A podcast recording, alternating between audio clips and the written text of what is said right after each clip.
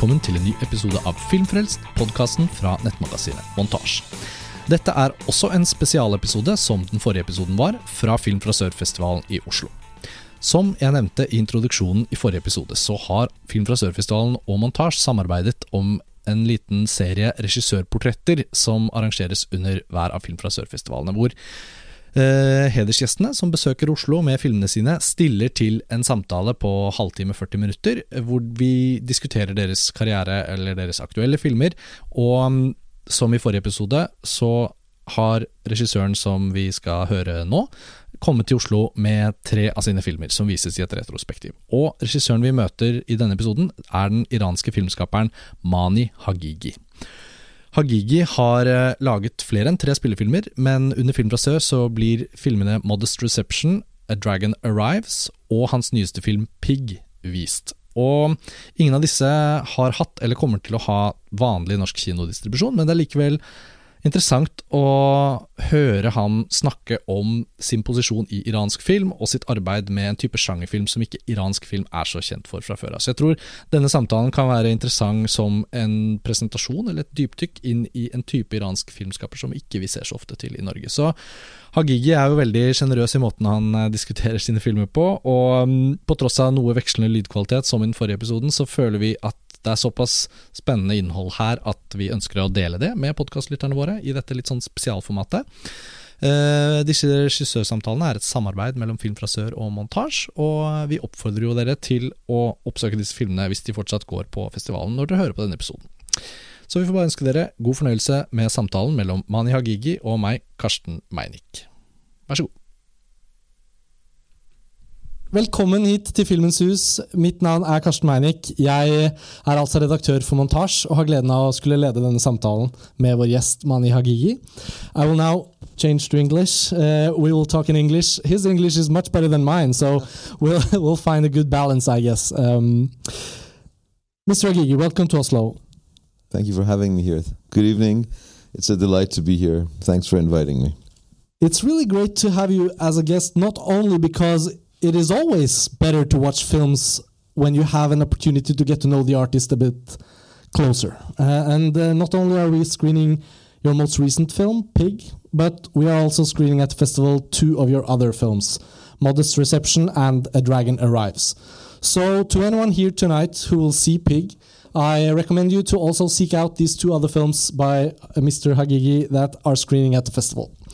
So, with that said, these three films doesn't necessarily um, sort of show us your whole filmography because you've made other films as well, and it feels natural to start with sort of a general introduction to your uh, your your position as an artist within the Iranian film industry because you are a director of these films, a writer, but you're also done some acting and you seem to have been involved in many different layers and i was sort of researching a lot before i started watching your films and i thought like this guy is connected everywhere it seems.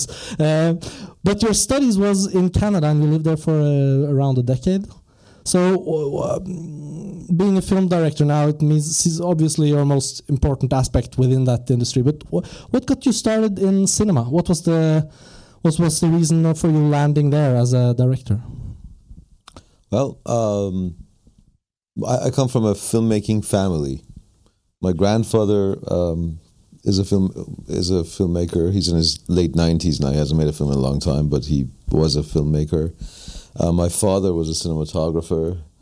Uh, other people in my family had different things. My mother was a costume designer for a long time, so you know it's it was kind of it seemed inevitable that I would have something to do with film. Uh, but specifically, um, if you're asking me the question, when did I decide to do this? I was, I think, five years old when uh, my uh, grandfather, uh, I, I, can't say asked me because you don't ask permission from five years old, but five year olds, but they kind of took me uh, to do a scene in one of his films. They needed a kid to fall down a hill and be injured and start crying in a scene, and they thought I was the perfect candidate for that. So they took me there and they threw me down the hill, and of course I cried. And they had their shot. Did you have to do many? Did you have to do many takes? No, no. I think as usual, I, am an actor who does it perfectly in the first yeah. take.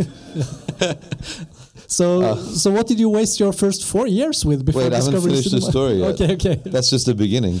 Um, that that happened, and it was a sort of a disaster, and I was crying, and I just hated everyone around me. But then I looked, and I saw the camera. It was on a crane. A, and for a five-year-old, a crane is a, a pretty fascinating thing. And and it started going up, and I was just mesmerized by the idea of this machine. It looked like you know some a big toy uh, or maybe even a spaceship of some kind. And my grandfather was sitting behind because he was shooting the the shot at the same time as directing it. And as he was sort of disappearing, it seemed to me up in the clouds, it occurred to me, I want to be there. Oddly enough, I have never used a crane shot in my own films until very recently. But um, yeah, a crane shot is what got me into film, age five. Well, I think that's a good uh, that's a good story, good way in. I think. Well, thinking about other film families like the Coppolas, or you know, even the Triers here in Scandinavia. It's not only Lars von Trier in Denmark, and I know we'll get back to him as a filmmaker, but we have a Trier here in Norway, and you know, it always seems like if you get the taste of cinema just a little, if you have it close, it doesn't really slip by. Or I never hear about people saying, "Well, I tried cinema, but I hated it. I left it behind." So as you grow up, you're you have these relatives obviously working within film, but but also I can just imagine the looking at Iranian cinema from afar. I can see from Norway, and especially looking back, what's happening in the 80s, 90s. Not the society in general. Let's just talk about Iranian cinema as an art form. It seems like it's blooming, and now it's famous long time ago that there was a new Iranian cinema that mm. sort of got famous in the West for all these festivals and all these wonderful poetic films. But at the point when you were a teenager, let's say, and you go into your, like, finish your school, you, you go into some sort of educational choice. Were you convinced since that childhood experience, or or did you at any time sort of, you know, No, no, I was going to be a lawyer for one year? No, no, no, no, no, no, No. no, no, no, no. Uh, I'm telling you, this this was a really crucial moment when I looked at that crane. It was finished. It was like I died, Yeah. and the rest of the my life is just that. You know, just stopped. Um, so no, I started making films as soon as I could. So I, I made. I had a Super 8 camera. I think I made these little tiny projects when I was like eight or nine years old with the help of all these famous cinematographers around me who happened to be my family members and all that. Um, and yeah, I, I I made I wouldn't call them films, but I I did sort of camera projects uh, as starting at using it as a toy. Yeah. Uh, so using my dolls to you know make you know time lapse photography and things like this, and then eventually kind of getting into the idea of writing a little bit, and then discovering the idea of structure and character and all these things that eventually became really fun to work with. Um, and then I, I went to uni- I, I studied uh, philosophy, but I didn't really because I was doing theater all the time. Um, I did very badly in my first year, first couple of years at university because I was busy d- directing plays. Uh, so that kind of shifted into theater, the idea of working with actors and dealing with texts and things like this. And uh, by the time I finished my studies many years later, I, I went back to Iran. And soon after, I did some uh, work in uh, commercials like everyone else these days. Uh, but very soon after that, I just went ahead and made my first film. So it seems um, it seems like I, I, I we did an interview before the festival, Mani and I, uh, on email, and I made the the mistake of sort of mentioning all kinds of famous Iranian filmmakers and assuming that you were inspired. I don't know, only by Iranian filmmakers, and that's obviously a flawed way of asking a question because I think for such a country as Norway and this festival, we we we, we feel that the window into some of the countries that feels less close to us can can come through cinema. It, it is a way to learn about the country, a culture, an art form, the way it is made in those countries. And we know obviously the most famous Iranian filmmakers have been distributed in cinemas here. And I asked you, you know, of all these filmmakers, who do you feel most close to? And and you were kind of sad that I didn't ask. Well, well, my influences can can come from anywhere. Um, is it a is it kind of like a cliche or a, or a or a problem to to be instantly associated with Iranian films when you are an Iranian filmmaker? Yes. Uh, it, it, it, it, it gets on my nerves, as Yeah. you. I'm noted. so I'm sorry, but I'm No, no. glad I made the mistake on It- email it- it- and not in person. it makes sense, but it still does get on my nerves. Um, you know, like it's it's the 21st century. You know, you can watch films from all over the world, everywhere, and and so you uh, you're influenced by everything that you see, and and um, although let me just say this, it's it makes perfect sense. Uh, specifically in the case of Iran, because Iran, being a sort of a, a weird country and isolated the way it is, um, it's one of the more uh, enigmatic places in the world, I guess, from For- outside. From the outside, yeah. yeah. Uh, it does all these kinds of weird. Pe- people dress in funny ways there, and people, you know, behave in strange ways. Politically, it's a very kind of controversial. Decisions are made, and so um, it is true that people have this curiosity to learn more about it because they can't have a direct knowledge of the country. Like it, you know, there's there's not a booming tourism industry, say in Iran, um, but it is obviously a mistake to use film for that because what is film? Film is a it's a world of fantasy. It's it's it's it's all imagination, right? That's how it's supposed to be. So you would you know you would be using imaginary maps if you used cinema as a map to travel around anywhere, especially in Iran. Imagine if everybody in the world. I mean, th- this is actually how it is. Uh, I was in Stockholm uh, just before I came here at the Stockholm Film Festival where we screened Pig, and it's true. I, I made I make the same error that you do. Uh, you walk around thinking, having watched all these Bergman films and thinking of Sweden as Bergman's place. Uh, you, you you know people are wa- buying bread in a bakery and you think oh this must be an existential conversation about why the god is silent and the guy's just buying his bread Yeah, right yeah.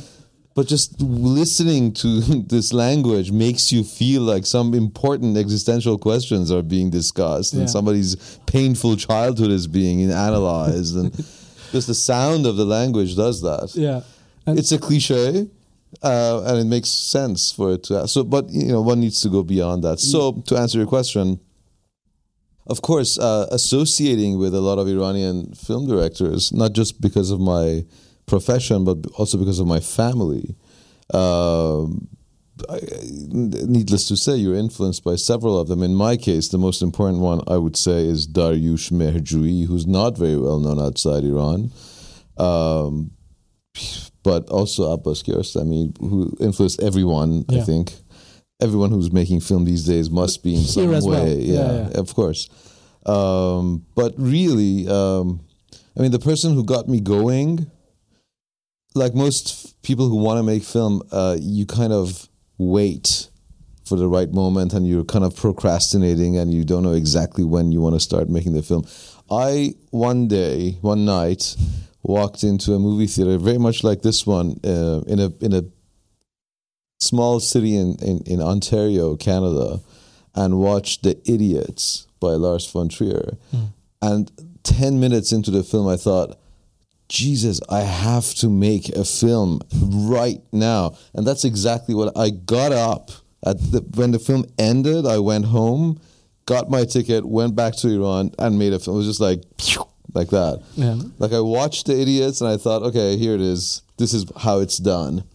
And of course, I, so I, I walk around talking about Dogma 95 all the time. I just think it's, it was, for me, the seminal, you know, Oedipal big moment. But I really loved the moment when you told me the other day that you love Lars von Trier so much because it, it feels like uh, the perfect kind of bridge so that we can use this conversation not reconfirming all those cliches but actually learning more about you as a filmmaker because that's where we're moving to. And I thought like Lars von Trier of course I'd seen all your films and thought why didn't I think about it myself? The kind of uh, rascal you know sort of pointing a finger at the not only the society but the audience and himself and sort of always reanalyzing what kind of mm, visual style am i using? Am i using it consciously unconsciously? Could i play with this aspect? Etc etc so when you said lars von trier i thought that's the sort of code. And it's interesting because for me, for example, personally, Abbas Kiarostami was a filmmaker that when I saw A Taste of Cherry the first time, I thought like, whoa, this is an invitation to read cinema completely different. Right. Uh, I, I don't know if if I went to Iran as a tourist, I'm not sure I would take a car and drive around those roads. You know, uh, necessarily, it's not an image of Iran, but it was a way of making films that was so refreshing, as it was for you watching Lars von Trier. So, Yeah. We'll, we'll talk a little bit about your three film screening here, uh, and the other ones I hadn't got a chance to to find them. It's really difficult to dig up DVD copies of like your first film, um, but I tried. Um, Modest Reception, A Dragon Arrives, and Pig they all screen here, and seeing the von Trier track. It's pretty easy, especially let's just start with Modest Reception, the first one chronologically of these three. A couple drives around, gives away cash. It sounds like a Lars von Trier idea. I would actually love to see a kind of film like that in Scandinavia. Uh, but uh, where, where, after having made a few films, where, where, where did that idea come from? That uh, is actually an Abbas Kiarostami idea, oddly right. enough. It ties- it all so ties if you think it sounds like a Lars von Trier idea, then we'll have to talk about the similarities between those two guys, which exist, I think. Uh, yeah, I, I, um, on two occasions, I've made films based on his story ideas. The first one was Men at Work, which was my second film. Uh, which is you're right. It's hard to come by. There's there's a DVD uh, distributed in the states, but not anywhere else. All right. Uh, so that one was just me. I heard this the plot of that film. I just that story, and I realized that he wanted to make it. Uh, and I loved it so much that I thought, "There's no way I'm going to let him make it." Uh, so I went to him and I said, "Look, for these reasons, I have to convince him. We're not talking about a film you're not going to see." Um, uh, I I convinced him that he he couldn't pull it off. And my argument was because you're not funny enough, and this is a really funny story. So you know you're a poetic haiku guy. You know everything's very kind of you know transcendental, and everything's very minimalistic. This is not the kind of story that lends itself to that kind of world. Uh, so let me do it. And he was horrified because he was you know kind of thinking about actually making it. Uh, whether or not the history of cinema is a better thing for for this is a different story. Um, but we made a deal, and I he he said if you become my personal secretary for a year, I'll let you do this, and I did that. Um, And this was 2000, was it? this was 2000. Well, we shot it in 2004, Right. but it was we finished in. I mean, it, it was released in 2006. Um, took a long time to to to do post production on that film. Uh, modest reception uh, to to to get to something you are going to see um, was different. He called me, and I and he said. Uh, Remember that story I told you about something that happened to me? That this is the sort of the, the background for modest reception. Kiarostami was shooting uh, "And Life Goes On," which is a film about the earthquake that took place in northern Iran, and this director who goes back to the region to look for his actors.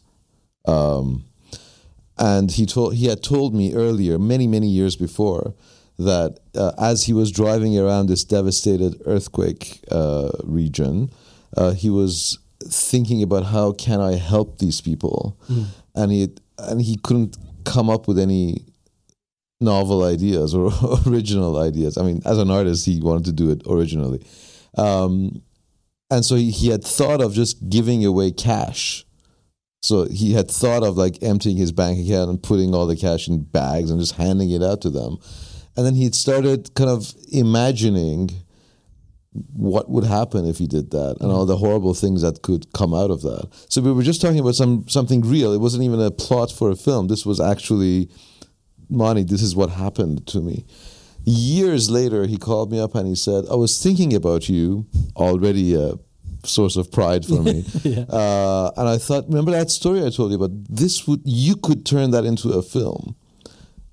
I was, you know, mesmerized and very happy. And I, and so we, we spent about, I don't know, four or five months talking about how this should be done. But we had very different sensibilities, really. He was a very, very calm, you know, Zen guy, and I'm not. Uh, and there came a point where, uh, and it was sort of an Oedipal thing going on. So I, there came a point when I said, look, just let me go and make this film the way I think it should be done. Because there's no way I'm going to make it the way you want me to make it. I'm, I'm not going to be a proxy Abbas Kiarostami filmmaker. Can't do that. Um, so I did. Yeah. I did it exactly what, the way I thought I, it should be done. Uh, and I invited him to watch it. And he hated it so much, he never spoke to me again No, is it true? until the day he died. That's true. Yes, it's true. And he was dying in a hospital. And I was like, I loved him like Yeah. like more than anyone else. And Yeah. he would not let me go visit him. That's how much he hated the film. Which I mean, this is a tragic story, yes, but there's a there's a good side. It's a powerful film. You know, it makes people really angry. Um, at the end of the premiere, this film premiered at- in Berlin. Whether you li- like the film or not, it kind of makes it pisses people off. Uh, somebody hit me In Berlin. with their umbrella, yeah, outside the movie theater. was it a German This old German woman came to see. I, I act in the film as well. Uh, that's a different story. Why I act in the film? I wasn't supposed to act in it. Something happened. I had to do it, and so I'm the main. Uh, I'm the lead guy who's a horrible, horrible monster in the film, and you kind of discover this as you as you see the film. And uh, we came. You know, so so the lights come up. The film is over, and I have to come and sort of do the Q and A. And I look at them and there are these people who just hate me so much and there, so there's never a proper q&a after that film because i just don't do q&as for modest reception anymore because it just doesn't work people don't Not here either. no i didn't Okay, No. well. and i'm not going to So this is your chance. so the woman came up to me in the street in front of the in, in potsdamer platz with her umbrella you are a very bad person i am I was like hit me in It the head three times with her umbrella well, it sounds like it sounds like a powerful film to to provoke. yeah it's my favorite of the three that you're watching Well, uh, you were. Um, there's many points here. I could pick up on any of them, but we have to move through all the three films. But I think what I would like to continue on a little bit is the fact that you did feel different as a filmmaker than, for example, Kiarostami. And um, just objectively watching your films and getting to know you as a filmmaker, I think it's very interesting and it's always great to find a new filmmaker from a country. Somehow I didn't discover you before. And you actually make Iranian films that I haven't seen before. Uh, and I love that. And I think it's very refreshing. And that's the kind of way I hope happens in Norway at times, you know? Someone making something that I thought, whoa, I hadn't seen that coming. And part of it is what you describe, like you, you approach style and you approach genre. And it seems also to me that you approach themes uh, quite differently than especially the filmmakers we know. But but the sort of filters between the enigmatic country of Iran and the tastemakers in the West that choose, you know, festivals or distributors, we end up seeing films that might not give an actual image of what is being made in Iran. But through your films, I feel like at least I get to see a genre conscious filmmaker playing with comedy, playing with satire and, and other elements. And even though you know, I, I don't know if I got any richer uh, from watching uh, Modest Reception. No cash ended up in my lap, but there's a kind of playfulness that that jumped right into your next film for me. The A Dragon Arrives was completely different, but I felt like, whoa, I'm in the hands of that filmmaker again. And um, did you feel like you meet a lot of, uh, I don't know, is it a lot of uh, other people, artistic people, uh, decision makers in Iran that kind of um, salute your style and, and give you a lot of help, sort of making that evolved more, or or is it harder for you to not play into that kind of famous Iranian festival style film? Well, it, it took a long time for people to accept that this can be done. Yeah, Uh, my the first film I made uh, was called Abadan, and it was you know that film also wasn't really directly related to the style that thank you uh, style that is associated with Iranian cinema, and and many I mean most film festivals just rejected it. Um, one of them. Uh, I don't have a problem naming them. Uh, Karlovy Vary wrote me a letter saying, "This is not an Iranian film." right. and I was just shocked. I was like, "What? Are you, it's made in Iran by an Iranian with Iranian actors. What the hell are you talking about? How, how can you say it's not an Iranian film?" So I wrote back, "What is an Iranian film?" Okay, fine. I mean, I don't want to. I don't even want to give you my film anymore. But what is an Iranian film? Answer came. Iranian films take place in rural areas and involve children. It was just ridiculous, you know. So this is the background. Right. Did you This ever is, go back? This is to- true. I never went back to No, Kuala okay. Lumpur. No. Oh, I mean, I, I have to mention that then I met this person and we were on a jury together many years later. We became friends. It's all finished. What I'm trying to point out is not this particular person, but the attitude Right. for the, for years has been Iranian cinema is haiku-like, poetic, humanistic, minimalistic. Uh, None of which you find in any of the films that I've made. Um, and I'm not, and, and I'm not saying I'm reacting to any of that either because I love those films, but it's just not the way I'm. It's not in my genes to do that. I guess. Um, so uh, the idea of like trying to be true to my own uh, whatever you want to call it, my own style or my own passions or my own uh, uh, opinions about things. Uh, it wasn't really hard to do. It's been easy to be to rely on myself for this, but it's been kind of hard to convince people to accept it. No, I understand. Hence, you haven't seen lots of my films. It, it doesn't. It, it, it's a little more difficult. It's really easy to make a film about either uh, a social realist film about how awful women are treated in Iran and uh, how awful Iranian men treat their wives, Right. or the you know, which are great films coming out of in that genre, or uh, you know the the sort of existential crises of this one man driving around the rural areas of Iran. Blah, blah, blah. Yeah. There's, you know, there are these specific types of films that you can make, and immediately they they you know you go straight to Cannes, Berlin, blah. blah. It took a little time for me to force people to accept this. Well, even though the umbrella hitting lady uh, struck you down in Potsdamer Platz, you were accepted back in Berlin. She was just crazy. We don't want to talk about her. So, so a dragon arrives. Uh, to those of you who are planning to watch it, it was uh, really uh, of the three. I think the one that really I did not know where where it was taking me, uh, and I don't really even know how to describe it. Literally, I told my girlfriend uh, the day after. I was work, doing work last night. I was watching an Iranian film. What was it about? Well, it, Right. well, there's a ship in the desert. Yeah. I mean, it's really hard to describe it. What, what, where did that film come from? I really recommend it though. Well, thank you. Uh, it- I don't know where it came. I mean, It's how- peri- how do it's like a period epic. It takes place in the 60s, but then it doesn't. Yes. It's hard to explain what that film is all about. Uh, it's one of those things that you have to see it to understand what's going on. But even if you do see it, sometimes you don't understand what's going on.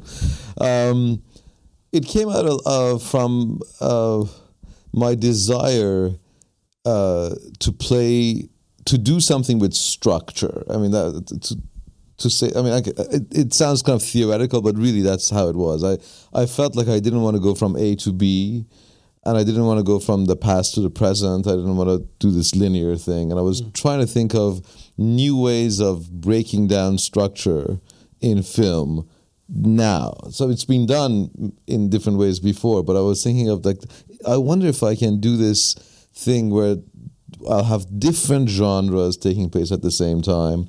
I'll have different time periods taking place at the same time. I'll have uh, sort of a documentary embedded in a fiction film, or vice versa, depending on how you look at it. Uh, all of this, and still make a coherent film that people want to watch from beginning to end because it has a proper narrative arc with three acts. I think you succeeded in most of those things. I succeeded in all of those. What are you talking about? Um, no, I mean I don't know if it's. I mean, what is success with that? It's really hard to. I mean, what is the? I don't know what would make it more successful. Uh, there, I mean, there, are, there are some people who hate the. I mean, it's a film that claims to be a true story, and then it, it so the story begins, and then it suddenly stops, and there are real people talking about the events of the film as if they actually took place. And there have been audience members who just hate those moments because they're watching a story and then it's sort of a Brechtian thing where you, everything stops and you realize, oh, I've been watching a film and now we're talking about the film we were talking about, then go back to the story. Some people hate that. Some people love that. It's But I think it's because of your your your ability to not play by the rules that that film's success is not measurable in the common language. Like I think what makes me want to recommend it is that I can't place my finger on its specific sort of successful choices. It's the fact that you get to see something you haven't seen before, and you get to see a film that doesn't take you on the normal journey. And if you want to, you know, uh, comparing it to travel, if you want to spend money, go somewhere. If you just want that image from the travel book to be exactly the way it is when you arrive and you drink your cocktail and you go back home, well, I don't know what kind of travel that is. You want to go somewhere and be surprised in some manner. And I think your third film is also very, or the third of the ones that are screening, Pig, the one you'll see tonight, is um, feels like very much a continuation of the spirit of Dragon Arrives, even though sort of the plot mechanisms and the ideas are pretty different. And we agreed that we wouldn't sort of indulge in the plots because you're watching the films in 10 minutes, but the film in 10 minutes, but I can say as much as it is a film that seems to comment a lot about actually some of the things we are talking about Iranian film personalities, either directors or actors. Uh, the main character is a film director who has been denied the right or the the approved sort of stamp of approval from the government to make films, and he's in a in a in a um, uh, what's the word um, A crisis. limbo limbo yeah, Yeah. a crisis. So at least we could talk about the main character. It's very very cliched to say, well, you are a director and your main character is a director. is it you? No, uh, I, the, I, I It's you. You asked. I didn't ask. it. uh, um, you know, uh, the, the the reason why I put myself in the okay, within the first five minutes of the film, you realize what I'm about to say. This is not a spoiler. Um, film directors in Iran are being murdered by a serial killer.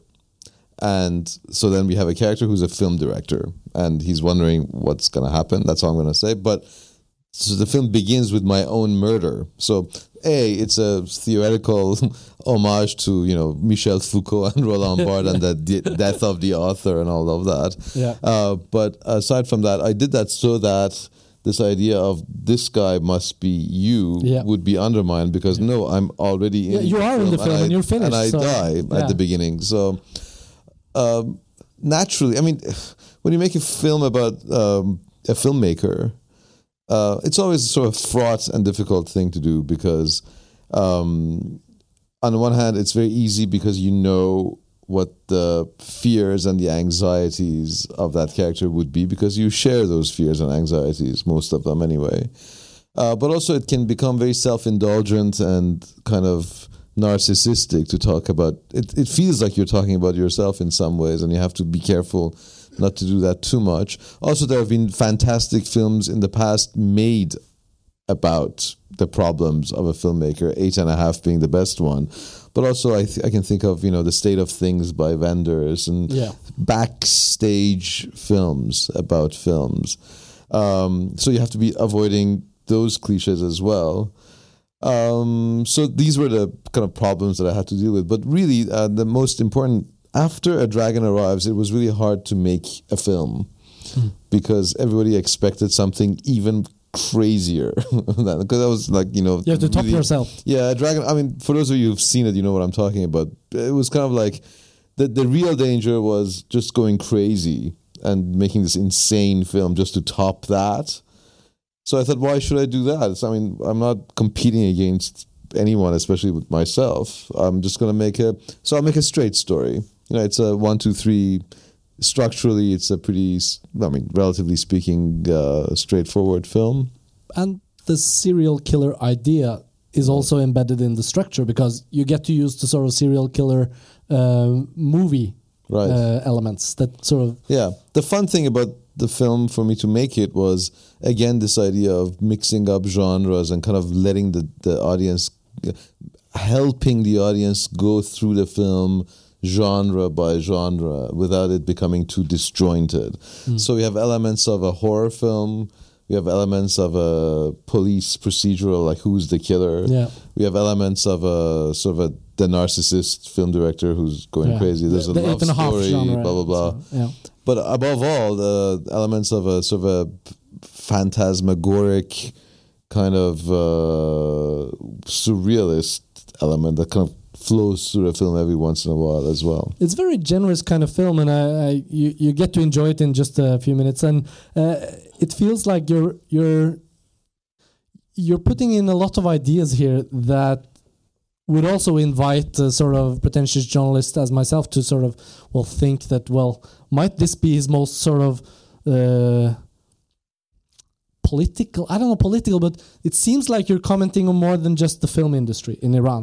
And uh, uh, we know of course of the iranian filmmakers that we know that like jafar panahi and others that might have actually been stopped from making films from the, the very thing that your main character suffers from. But his reaction to it is the kind of neurotic character you might recognize from Woody Allen film in a way. Um, so that balance between sort of overt political statements, but also sort of subtle, which I think Iranian cinema has been very clever at, taking that government line and creating poetry or creating a sort of metaphorical visual language from it. What what was your balance uh, with this film? Yeah, well, this was hard because this is a political film. There's no doubt about No, it. I It's it's obviously it's a it's a film about a filmmaker who's banned by the government from making films, uh, who also thinks that somebody maybe from the government, maybe not, is trying to kill him. Yeah. So um, the idea was for me, and this was not so hard.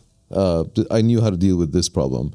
Uh, to to create a political f- uh, film that was not full of jargon and slogans. So not an explicitly, you know, like a, a cry against censorship and a you know big fist against you know oppression, blah blah blah. You know, I find those films uh, as they are presented today to be just boring. I just I, there's no story. You know where it's going. You know what the, the you know what's going to happen at the end. You know that you're going to be hating the oppressors. Well, we all hate the oppressors. That's not a new thing. You know, the, why do we? Why do I have to say that? You know, in a film. Why would I make a film to say that? Even you know, it's, it's, you can do so many more interesting things with film. So the idea was to make a political film and to say all these things and without the the sloganeering and the kind of obvious explicit gestures that go with a political film. Uh, so the way I thought about it was a to make it funny. That's the best way I thought. Just to make a comedy about a comedy about a, a serial murder of intellectuals. You know, oh, that's crazy. Um, but also to, to, to kind of fi- look for ways to create an atmosphere of paranoia and fear uh, that is always present, and that is what creates the comedy, right? Uh, it's good that you mentioned Woody Allen because he he has done that also in his Yeah. own way. Um, many, you know, it's a black comedy, right? So the fact that everybody's just totally terrified of everything all the time is itself a funny thing in the end. Oh, but also kind of controversial because because of course to make fun of people who are on the verge of being killed by you know some weird possibly politically motivated person can become a politically controversial thing to do Yeah. and it, that that happened That it bites itself in the kind of no, it just it just you know it it can look like you're um, making fun of the oppressed. Yeah. Just like modest reception. After modest reception, I was accused of making fun of the But- poor. But if it's an umbrella or someone saying, "Why did you like?" Uh, responding to your films or you with anger, wh- wh- where do you think that come from? Like, wh- what's your response to that? Uh, do you know how to respond? Well, it would be. Uh, I would have to speak from a place of immodesty to, to answer your question, really. But since you ask, um, if you're confronted with something in film that you did not expect at all, right? Yeah. Um, then the first reaction that people have, the most superficial reaction you can have, is to cre- name the director as to give an adjective to the director. In my case, you're uh, you're right wing, you know, or you're a fascist, or you're you're not explicitly on the side of the oppressed, right? Of course, I'm not. I, I, that's okay with me. I, I don't have to, you know, I don't want to pretend that. Make your, you know, but but that's just the first line. If you, I think I, I really would uh, insist that if you kind of dig a little deeper, you realize that that's that cannot possibly be the case. No. But but but it's really hard to get to the second step usually. No, but it's uh, interesting. And take a conversation like this. If you have 15 minutes, it's hard to get to a point where we can actually talk about some of those things that might move through a filmography like yours, which is, uh, I think it's uh, really, well, it's it's marked by an identity that comes out of the the unexpected in a way, because we are and now I'm taking the view as a Norwegian looking at Iranian cinema. I love Iranian cinema, but having discovered your films, I realize how little I know as well. You know, and I think that's a good thing. That's the great thing about going to festivals like the audience here are doing and discovering what's what's on his mind. What is he making a film about? And to bring us back to Lars von Trier, his most recent film, and I know you haven't seen it yet, but you mm. should see it. The House that Jack Built. It premiered in Cannes earlier this year. It will be in Norwegian cinemas in this winter.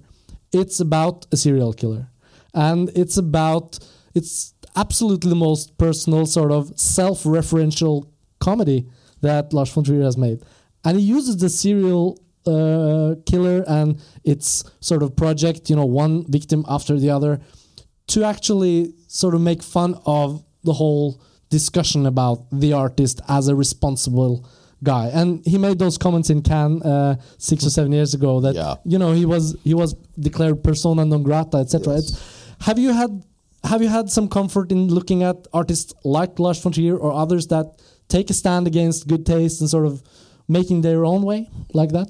Yeah, I mean that's that is a huge. Res- I think that's it, and that's that is if you want to. I, I don't want to defend his comments in Cannes because I thought that was just crazy. No, yeah, it's But, uh, absolutely not about that. But yeah, his but- but- role as an artist. But um, look, uh, we're here to do unexpected things, right? We're not here to give you what you want. We're here to give you what you don't want, right? That's the idea. That's uh, that's what good film and good art, in my opinion, is. Uh, you you come here expecting something, you think you're going to get that because it's Iranian cinema, so it's going to be poetic, it's going to be blah, blah, blah, blah. And then something else happens and it pisses you off, yes. Uh, many people don't get over that, like Karlovy Vary. um, and then and then hopefully there's a group of people who kind of move beyond that and accept that this was not what we expected. You know, you go to a candy store, you know, you go to a bakery, you want to buy sourdough bread, but you end up with an apple pie. Okay, all right, we didn't get the sourdough bread, but w- let's try this. Yeah. Right? Maybe maybe it will be better than this. Uh, maybe not. Whatever. So um, so t- to talk about Lars von Trier, who you know, um, who I really think is the greatest living filmmaker, to be straight about it. Um, I, I this is what I like about him because he does not uh, compromise and that he attacks you, but not in a way not not in a way that I find sadistic, but but really provocative and interesting every time. I wa- was really happy that to be in competition against him with the film you're about to see, and I won. so, a house that Jack built has to be seen. Uh, I'm sure it's a fantastic masterpiece. yeah, I, I, I was ashamed of that award completely. yeah. at least you could say that if you are interested in watching his films, uh, you cannot be disappointed by what he ends up discussing in that film. Uh, I think to make a final sort of comparison, I. Th- the more films of Mani Haghighi that I've seen, the more interested I am in watching whatever you might come up with. But I have no idea what your next film will be, and I kind of I don't want to know because I want to go there and just like see what it comes out. Um, I had a question about your cinematographer, but I know that our time is up. Uh, I just, I just, I tried to learn his name, but I couldn't. But I just want Which one? No, I, I know, I know. It's more than, but I think in this film, Mm-hmm. it's magnificent visual side that we don't get to talk much about. I wasn't going to ask it because we're out of time. I'll answer to quickly, Just, ask to it. just mention it, I think uh, his name was Mahmoud Kalari, and I Yes. I just looked him up, and he seemed to have worked on so many really great Iranian films. And to make it the last sort of thing to talk about, the film you're about to watch is really a visual feast in so many elements, like w- one sequence after the other, intimate or big scale or whatever. What he must be an important collaborator on this project. Yeah, well, this is the third time I worked with him. Mahmoud Kalari is, you know, the number one Iranian cinematographer. He's done Kiarostami's uh, The Wind Will Carry Us. He's done several of Mahmoud Makhmalbaf's films. If you're familiar with Iranian cinema, he's done most of Dariush Mehrjui's great films. Yeah. He he shot uh, Separation by Asghar Farhadi. Blah, blah, blah. He's, you know, he's the number one guy. Uh, he did my first film for me, which was an incredible honor for me at that time. Uh, and then he acted in my second film. Uh, so we became very close friends. And then we stopped working together because it, it was just becoming too. Yeah, I, I couldn't ask him for things after a certain point. Um, so this is my seventh feature now, so I thought it was time to work again together. And yes, you're right. I mean, he contributed greatly to this uh, v- visual exaggeration that I wanted to have in the film. Yeah. No, it felt good to mention him. Um, Mani Haghighi, thank you so much for coming here. Thank you for your generous sort of conversational style. I hope we got to talk about some interesting stuff for everyone here. I uh, wish you a great film, and um, yeah, let's. Uh, Thank you for having me. I hope you enjoy the film. Yeah, thank you. Thank you. Thank you very much. Thank you.